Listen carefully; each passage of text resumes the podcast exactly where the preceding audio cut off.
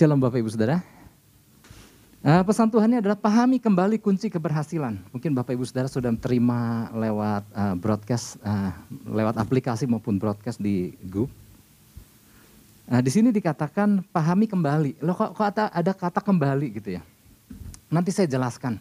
Artinya gini, Tuhan nggak bukan bicara hari ini, bukan pertama kali bicara kok soal ini. Tuhan pernah bicara soal keberhasilan. Cuman mungkin kita nggak ngeh Makanya Tuhan bilang, dia mau ajarin lagi. Kunci keberhasilan. Kita buka Yosua 1 ayat 8. Satu ayat yang gak asing juga buat kita. Kita baca sama-sama satu ayat yang gak panjang. Satu, dua, tiga. Janganlah engkau lupa apa? Memperkatakan kitab Taurat ini. Tetapi renungkanlah itu siang dan malam. Supaya apa? Supaya engkau bertindak hati-hati sesuai dengan segala yang terus tertulis di dalamnya. Nah, yang kalimat terakhir ini kan ini nih penekanannya di sini. Sebab dengan demikian perjalananmu akan apa? Berhasil dan engkau akan beruntung. Seperti kita ketahui Joshua 1 adalah masa di mana Joshua baru menerima mandat kepemimpinan atas bangsa Israel dari Tuhan. Jadi setelah bangsa Israel keluar dari Mesir, ini sedikit latar belakang, keluar dari Mesir berjalan di padang gurun 40 tahun di dalam di bawah kepemimpinan Musa dan akhirnya tibalah mereka menjelang sekali lagi menyeberang sungai Yordan dan tiba di tanah perjanjian. Nah, di tepian sungai Yordan ini, di wilayah Araba Yordan ini terjadilah serah terima kepemimpinan dari Musa kepada Joshua. Artinya tugas Musa selesai. Musa beres tugasnya diganti oleh Joshua. Nah, pada saat Joshua menerima tugas ini, ini sangat nggak mudah. Kalau di warta itu disebut maha berat. Karena apa? Sangat nggak mudah buat Joshua untuk menggantikan orang sekali bermusa. Tapi mau nggak mau kan, dia harus terima, dia harus menggantikan peran Musa sebagai pemimpin bagi bangsa Israel. Ya, Siapa pun tentu nggak ada yang nggak takut terima tugas ini. Wah gentar juga nih. Betapa Tuhan telah melakukan banyak hal melalui Musa kepada bangsa Israel. Nah sekarang dia mengemban tugas itu. Nah meskipun Joshua tanpa sepengetahuan memang udah dipersiapkan sama Tuhan jauh-jauh hari untuk menjadi pengganti Musa. Tapi tetap aja pas giliran Joshua memimpin, ia ragu dengan kesanggupannya. Apa bisa nggak ya? Bisa nggak sih aku? Ya, karena memasuki tanah perjanjian itu bukan soal gampang. Secara jarak kalau di peta itu udah tinggal selangkah lagi. Tetapi perjalanan menuju tepian sungai Yordan, menyeberang sungai Yordan dan masuk ke tanah perjanjian itu wah, harus melewati berbagai rintangan. Harus melewati berbagai tantangan. Sebagai seorang manusia, Joshua cemas, Joshua takut, Joshua gelisah, Joshua khawatir gentar juga.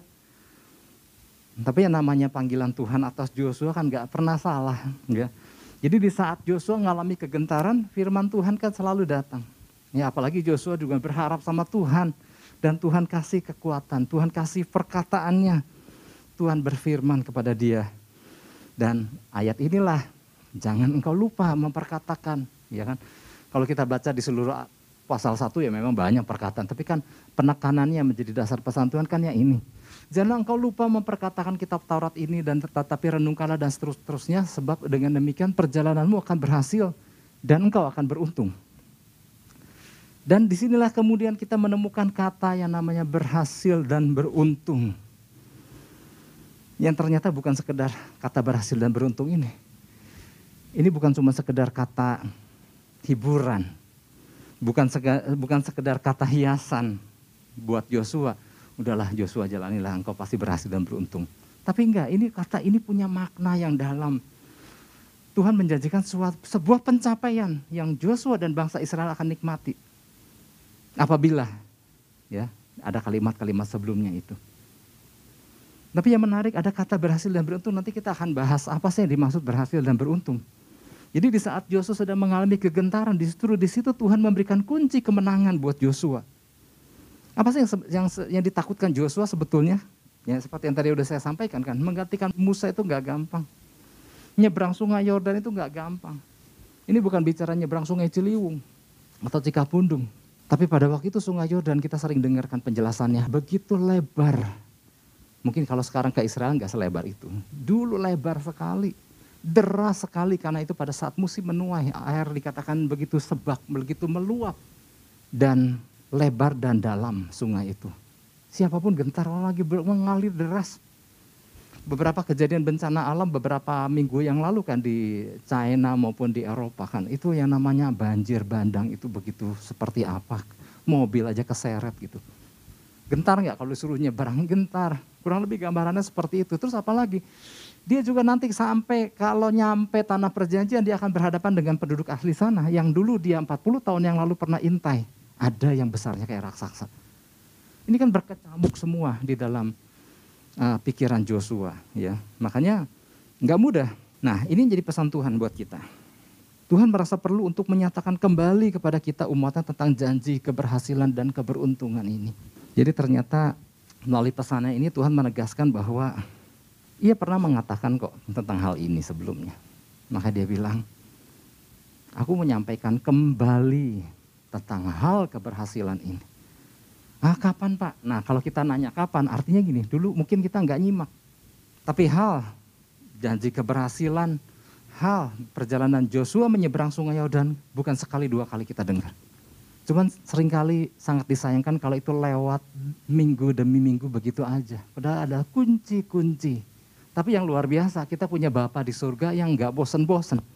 Karena dia pengen kita berhasil, katakan amin. Dia pengen kita berhasil. Dia pengen saya Bapak Ibu dan Saudara berhasil. Seperti yang Tuhan maksud maksudnya. Bukan keberhasilan seperti yang kita inginkan. Nanti dijelaskan di bagian dalam. Jadi siapa pun tentu ingin mengalami keberhasilan dan keberuntungan. Secara normal nggak ada orang yang mengalami kegagalan, ya kan? Siapa sih yang kalau di sini ditanya mengalami kegagalan nggak ada yang mau ngangkat tangan. Kenapa? Nggak ada yang mau gagal. Siapa yang di sini mau mengalami masa depan suram? Nggak ada yang mau. Namun kita perlu memahami mak, apa sih makna keberhasilan, keberuntungan yang dimaksud Tuhan melalui pesan ini. Nah ini yang kita mau tangkap. Memang dunia mendefinisikan keberhasilan dan keberuntungan dengan cara yang berbeda. Dan sering kali banyak orang termasuk orang percaya mengambil definisi yang sama dengan yang dimaksud dunia tentang keberhasilan. Apa sih yang dimaksud dunia tentang keberhasilan? Ada yang menganggap berhasil adalah ketika keuangan bertambah. Ah, aku berhasil, uangku nambah. Gelarku bertambah banyak, bertambah tinggi, aku berhasil. Itu dunia kan sering kali mendefinisikannya kan seperti itu. Ada yang bilang berhasil ketika masalahku selesai, aku berhasil. Kalau dia seorang pedagang, dia mendapat keuntungan besar, wah aku berhasil. Aku bisa beli itu, beli ini lagi, memperluas usahaku, aku berhasil di situ dikatakan. Kalau ia seorang karyawan, aku dapat jabatan tinggi, aku dapat posisi yang baru, aku dapat kenaikan pangkat dan gaji. Aku berhasil. Itu kan yang memang dipahami oleh dunia selama ini memang begitu yang disebut berhasil. Semua yang dianggap keberhasilan itu bentuknya selalu berhubungan dengan sesuatu yang menguntungkan diri si pihak orangnya. Ya kan? Definisi keberhasilan yang, yang dipahami dunia selalu ada kaitan dengan apa? Keuntungan yang berkaitan dengan si orangnya. Entahkah orang itu dapat penambahan dalam hal jumlah materi atau peningkatan taraf hidup. Selalu ada kaitan dengan si orang itu. Nah itu aku baru namanya berhasil. Nah apabila belum mendapatkan itu semua, maka sering kali dikatakan aku belum berhasil nih hidupku. Bahkan orang dunia bilang kamu masih gagal, masih orang yang gagal. Jadi akhirnya gini, pendapat umum pendapat dunia udah banyak menguasai uh, pikiran banyak termasuk orang percaya. Jadi banyak orang merasa baru mengalami keberhasilan keuntungan dengan pengertian umum yang seper, seperti dipahami dunia. Sehingga tanpa disadari, maka cara orang berlomba mendapatkannya nggak beda jauh dengan cara orang dunia. Pokoknya tujuannya aku dapat penambahan, aku dapat peningkatan taraf hidup dan sebagainya yang sejenis. Namun seberapa banyak orang percaya yang mau berhasil dan besar di mata Tuhan dengan cara Tuhan. Nah di sini kita mau belajar apa sih yang dimaksud berhasil dan beruntung yang dimaksud Tuhan.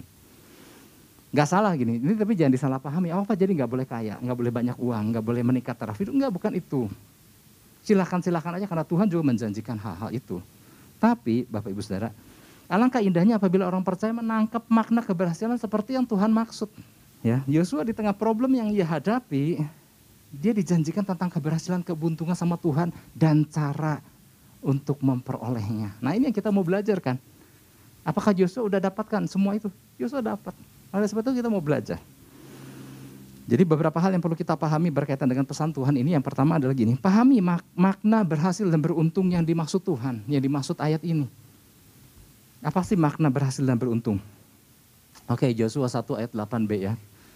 Sebab dengan demikian perjalananmu akan berhasil dan engkau akan beruntung. Nah Bapak Ibu Saudara kalau ditanya nih, mana yang kita mau pilih kalau ditanya? Pilih keberhasilan apa keberuntungan? Hmm. Apa ya jawabnya apa ya? Kebanyakan kalau orang timur, orang Indonesia, kalau ditanya mau keberhasilan mau keuntungan, selalu jawabnya kan gitu, apa aja deh karena gini, baik berhasil maupun beruntung adalah dua-dua sama-sama bagus kok. Yang mana aja deh, kalau boleh dua-duanya. tapi nanti kita mau belajar. Betul Tuhan menjanjikan keberhasilan dan keberuntungan, tapi apa arti daripada keberhasilan? Oke.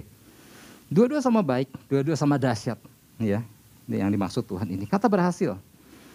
Jadi warta juga udah ditulis ya dalam bahasa Ibrani-nya salak atau prosperous bahasa Inggrisnya, successful atau make progress.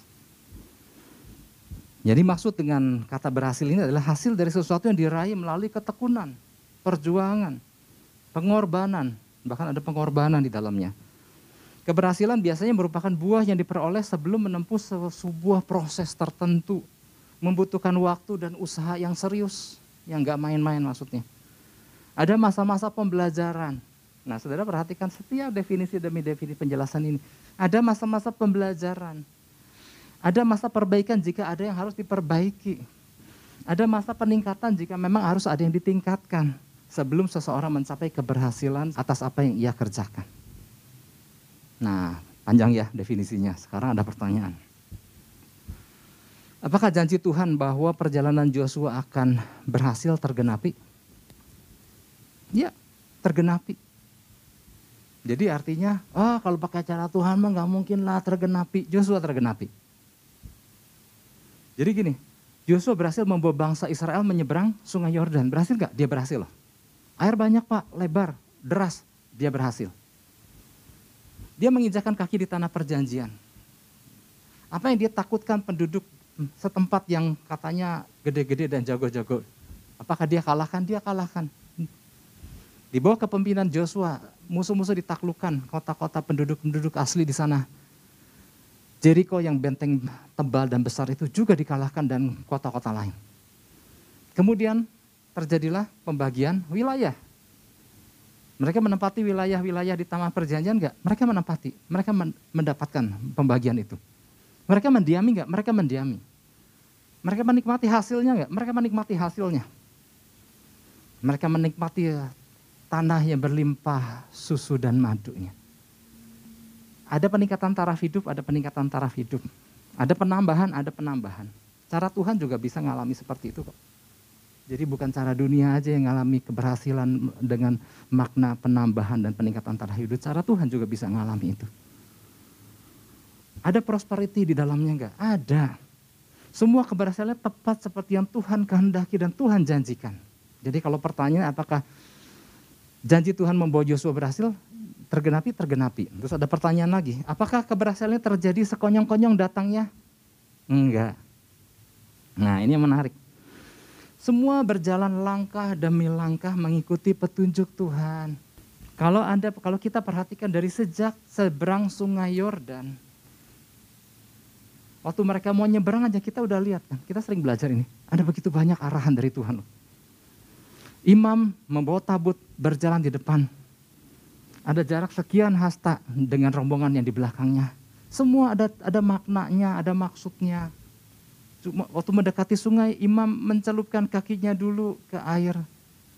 Semua ada arahan.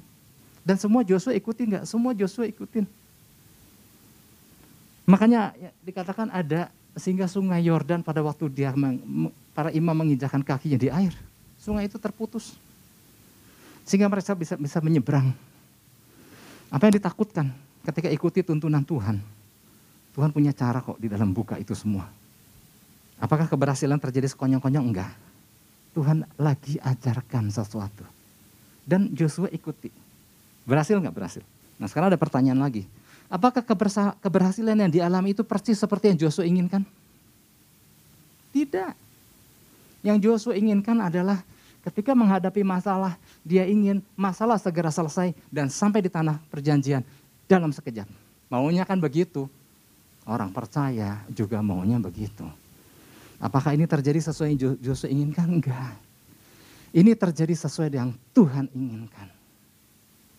Tuhan punya cara di dalam membawa bangsa Israel. Jadi mereka mengalami tepat seperti yang Tuhan inginkan. Joshua inginnya mungkin beres seketika, tapi Tuhan punya cara. Nah, terus ada gitu lanjut. Apakah proses perjalanan dari janji hingga pencapaian keberhasilan Joshua dan bangsa Israel mereka telah belajar banyak? Ya, mereka belajar banyak di situ. Mereka belajar sangat banyak, mereka jadi mengerti cara berjalan bersama Tuhan yang kadang caranya mereka nggak ngerti.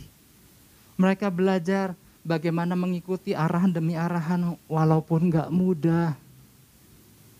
Seru jalan depan bawa tabut sudah gitu nyelupkan kakinya di air kan itu kan mengerikan sebetulnya kan kalau yang nggak bisa berenang. Apalagi kan kita juga bisa bayangkan nggak pernah ada di Alkitab imam berenang kan. Tapi disuruh nyelupkan kakinya di air yang deras kan deg-degan juga. Ntar kalau kepleset gimana aku nggak bisa berenang? Nggak ya apa juga nggak bisa jadi artinya mereka belajar bagaimana cara berjalan bersama Tuhan yang kadang deg-degan. Kadang nggak ngerti. Belum lama ini saya baru ngobrol sama seorang anak muda. Ya, dia merasa kok iring Tuhan kok seperti sulit, sulit dimengerti maksudnya, ya. Mau belajar taat, ya udah belajar taat, tapi keadaan kok begitu-begitu aja. Bahkan ditambah masa ditambah masa pandemi ini, apa sih yang bisa Tuhan kerjakan? Jalan apa sih yang bisa dibukakan? Ya pikirnya seperti itu, ya. Keadaan pandemi membuat keadaan lebih sulit, ya. Seakan nggak mungkin janji Tuhan bisa digenapi. Lalu apalagi kadang dibawa ke wilayah yang benar-benar berbeda sama yang ia inginkan. Ternyata setelah diikuti apa sih maunya Tuhan, ternyata ada satu titik di mana Tuhan buka jalan. Sehingga ia boleh berkesimpulan, belum mengerti ternyata iring Tuhan. Seringkali Tuhan mempersiapkan terlebih dahulu segala sesuatunya sebelum Tuhan buka sesuatu yang di depan. Dia begitu terstruktur, begitu sistematis langkahnya yang kadang kita nggak pahami. Kita pengennya cepat, singkat, instan. Tapi Tuhan maunya kita bersiap, disiapkan dulu. Joshua kan sebelum dia mengemban kepemimpinan atas bangsa Israel kan tanpa saya tahu Joshua, Tuhan kan persiapkan sedemikian rupa Joshua itu. Cara kerja Tuhan begitu indah. Makanya dari situ dia berkesimpulan jangan mengeluh, jangan bersungut-sungut atas setiap keadaan. Ternyata gini, tetap ikuti tuntunan Tuhan aja deh. Wow, luar biasa. Nah, terus sudah itu itu kata berhasil ya. Nah, sekarang kata beruntung. Apa sih dimaksud kata beruntung? Ibraninya sakal. Beruntung ini mengacu kepada suatu hasil yang diakibatkan dari sebuah penggemblengan penting sehingga orang yang mengalaminya menjadi pribadi yang lebih bijak dan lebih berhati-hati dalam bertindak.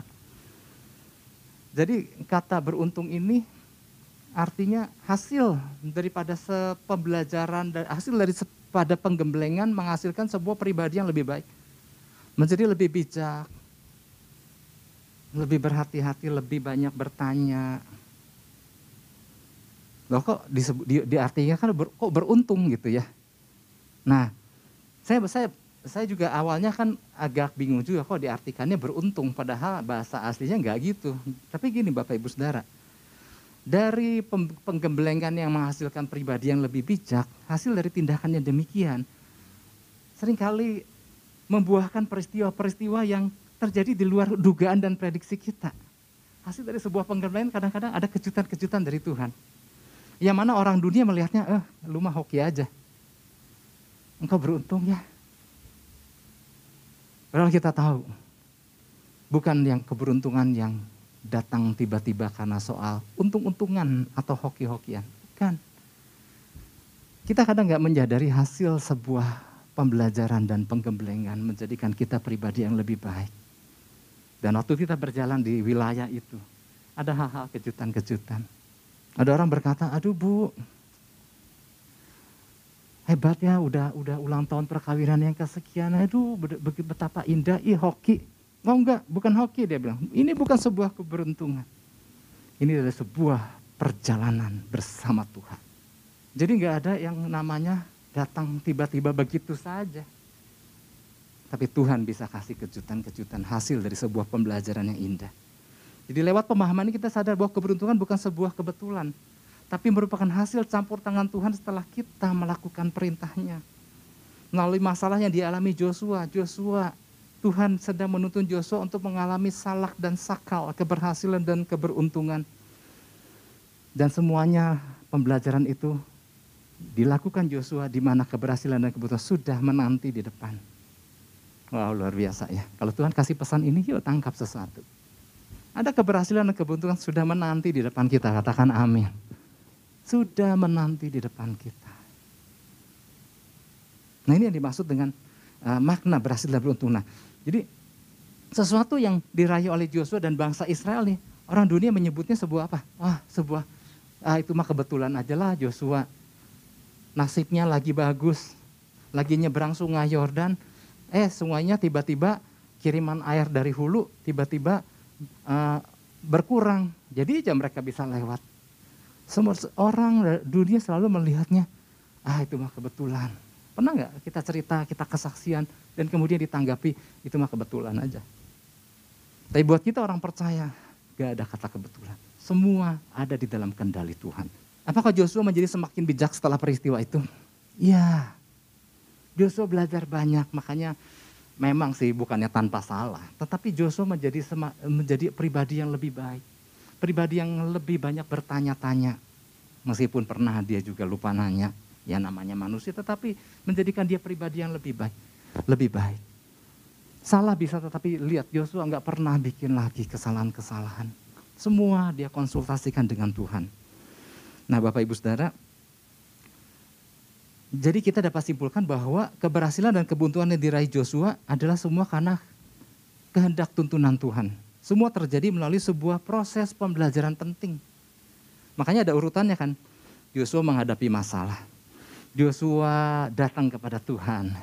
Joshua mencoba mendapatkan perkataan Tuhan. Joshua mencoba untuk mengikuti tuntunan Tuhan walau mungkin gak mudah. Yosua kemudian mengalami penggenapan demi penggenapan dan kemudian tercapailah apa yang Tuhan inginkan. Urutannya kan gitu kan.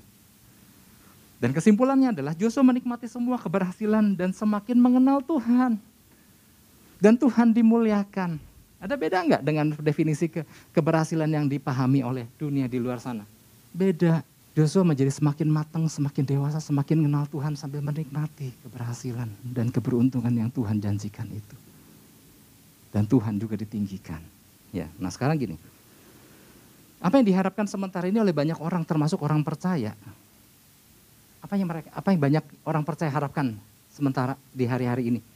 Menginginkan suatu perubahan terjadi tanpa mau belajar langkah demi langkah berjalan bersama Tuhan. Seringkali kan pengen singkatnya aja, itu yang manusia sering inginkan. Pengen sesuatu berubah, pengen mencapai keberhasilan, pengen mencapai keberuntungan tanpa mau berjalan bersama Tuhan. Nah ini yang kata Tuhan, wah rada berat nih kalau begini. Meskipun bukannya Tuhan gak bisa melakukannya. Kita punya Allah yang dahsyat. Semua diharapkan terjadi secara instan hanya melalui seruan doa. Ya nggak salah ya, jangan salah pahami dengan datang sama Tuhan dan berdoa. Tetapi kan sering kali maunya orang percaya yang gini, pokoknya aku udah doa, mana Tuhan? Bukannya Tuhan juga nggak bisa lakukan itu. Tapi sering kali kita berurusan bukan dengan Allah yang dahsyat aja. Kita bukan saja berurusan dengan Bapa yang uh, kekal. Kita nggak hanya berurusan dengan penasihat ajaib, tapi kita juga berurusan dengan guru yang dahsyat, guru yang luar biasa.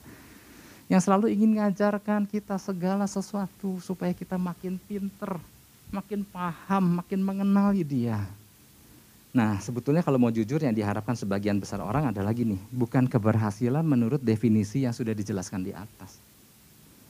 Yang diharapkan adalah sebetulnya banyak orang ingin sebetulnya keberuntungan Juga bukan keberuntungan yang dimaksud sakal tadi. Orang inginnya pokoknya keberuntungan artinya gini, pokoknya sesuatu yang sesuatu terjadi tanpa disangka-sangka.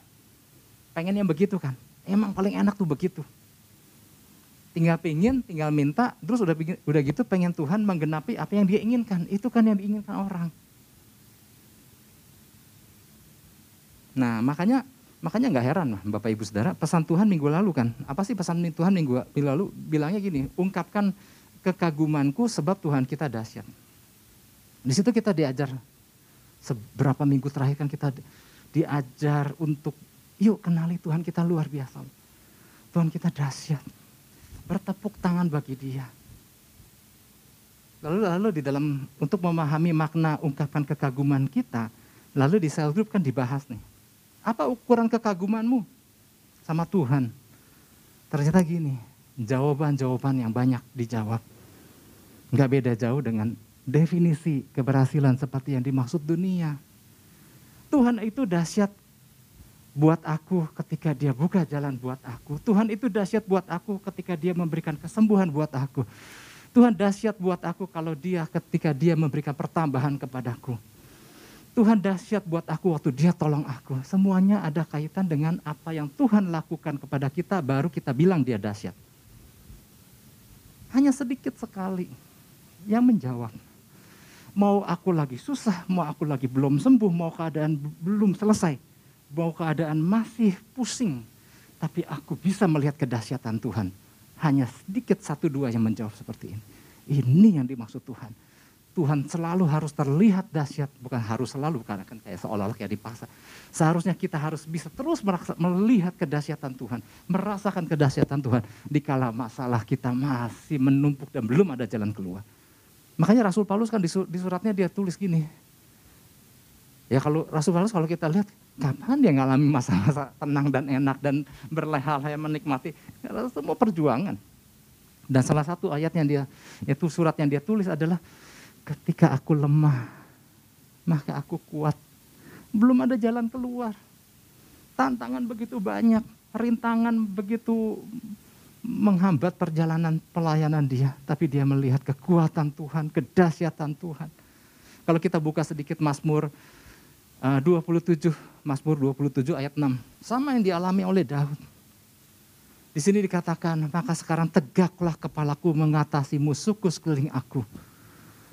Perkataan ini apakah Daud udah melihat musuh-musuh lagi kalah? Enggak. Dia lagi dikejar, hendak dibunuh oleh musuh-musuh yang mengejarnya tetapi dia melihat kedahsyatan Tuhan di saat belum ada jalan. Maka sekarang tegaklah kepalaku mengatasi musuhku sekeliling aku. Dalam kemahnya aku mau mempersembahkan korban dengan sorak-sorai. Aku mau menyanyi dan bermasmur bagi Tuhan. Ini kan seolah-olah kayak Daud udah menang. Belum. Lagi penuh masalah. Tapi dia melihat kedahsyatan Tuhan di situ. Jadi artinya gini, kedahsyatan Tuhan. Ya memang pertanyaannya agak pertanyaan pancingan, tetapi saya pengen tahu Tuhan itu sedahsyat dikala kita gimana, mestinya dikala kita apa pun. Mau lagi senang, lagi susah. Tuhan harus selalu dahsyat buat kita orang percaya. Katakan amin. Haleluya. Kita beri tepuk tangan dulu buat Tuhan Yesus. Haleluya. Oke. Yang pertama ya. Pahami makna berhasil dan beruntung yang dimaksud Tuhan. Yang kedua, pahami kunci penting untuk menjadi berhasil dan beruntung itu. Jadi ternyata gini Bapak Ibu Saudara. Oh kita baca dulu. Yosua 1 ayat 8. Jadi waktu Tuhan menjanjikan keberhasilan, keberuntungan, jadi apa pun, waktu Tuhan menjanjikan apa pun yang dia mau janjikan sama kita, selalu dia berikan sebuah caranya. Selalu Tuhan berikan jalannya. Jadi kalau kita bedanya sama kita di kelas lagi ulangan, kan kita cuma dikasih soalnya aja. Tapi nggak dikasih jalannya. Tapi kalau kita perhatikan Tuhan kasih soalnya, janjinya dan jalannya. Cuman gini, sering kali kita nggak memperhatikan jalannya. Di sini dikatakan, janganlah engkau lupa memperkatakan kitab Taurat ini, tetapi renungkanlah itu siang dan malam. Supaya engkau bertindak hati-hati sesuai dengan segala yang tertulis di dalamnya. Maka kemudian hasilnya apa? Berhasil dan beruntung. Singkatnya begitu. Jadi Tuhan kasih langkah-langkahnya. Nah, memang sih pada dasarnya orang lebih kadang-kadang kan makanya kalau kita lihat uh, satu satu ayat lengkap kadang-kadang kan suka diambil separohnya bagian yang enaknya aja kan. Nah, Tuhan janji berhasil dan beruntung. Yes, amin, amin, amin. Nah, ayat 8b A yang A-nya kadang-kadang udah dilupain. Ah, ini, oh ini mah ribet nih. Memperkatakan kitab Taurat, merenungkan dan bertindak hati-hati. Ini yang repot. Nah, aku pegang aja, berhasil dan beruntung. Amin. Dan percaya besok Tuhan lakukan itu. Nah, sering kali kan cara itu yang sering kali digunakan orang percaya. Nah, Yosua 1 ayat 8 ini bukan cuma tentang janji berkat. Tapi juga Tuhan lagi ajarkan cara kita mendapatkannya. Ya tiga hal tadi ya, udah gak usah disebut lagi. Nah dari ayat tersebut Tuhan menyatakan bahwa ada kunci yang membuat apa pun yang kita lakukan bisa berhasil dan beruntung. Meski mungkin kita belum lihat. Joshua juga belum lihat kan waktu Tuhan bilang, udah kamu bertindak hati-hati, perkatakan firman Tuhan, renungkanlah. Maka kamu berhasil beruntung. Itu di tengah Joshua lagi takut, di tengah Joshua lagi gentar. Jadi dia juga belum melihat ada ada gambaran seperti apa yang akan terjadi di depan. Nah sering kali waktu orang mengalami masa di posisi seperti Joshua yang belum melihat apa-apa. Yang keluar dari mulutnya adalah apa? Mengeluhkan tentang apa yang terjadi. Nah kok gini sih? Sampai kapan? Kalau keadaan begini terus, oh, orang-orang juga nggak support aku, dia juga nggak memperhatikan aku, dan segala macam. Keluar terus itu perkataan. Padahal Tuhan mengajarkan, kalau mau berhasil dan beruntung, jangan lupa memperkatakan kitab Tauratnya atau firman Tuhan. Seringkali keluh kesah. Yang lebih yang lebih yang lebih yang lebih bahaya lagi nyalahin siapa pun yang bisa disalahkan. Wah, ini kan kadang-kadang orang juga dibuat bingung salah apa aku sama dia gitu. Yang paling yang paling enak kan gembala kan. Salah lagi salah. Oke lanjut. Bukan itu yang saya mau bahas. Nah Joshua paham itu.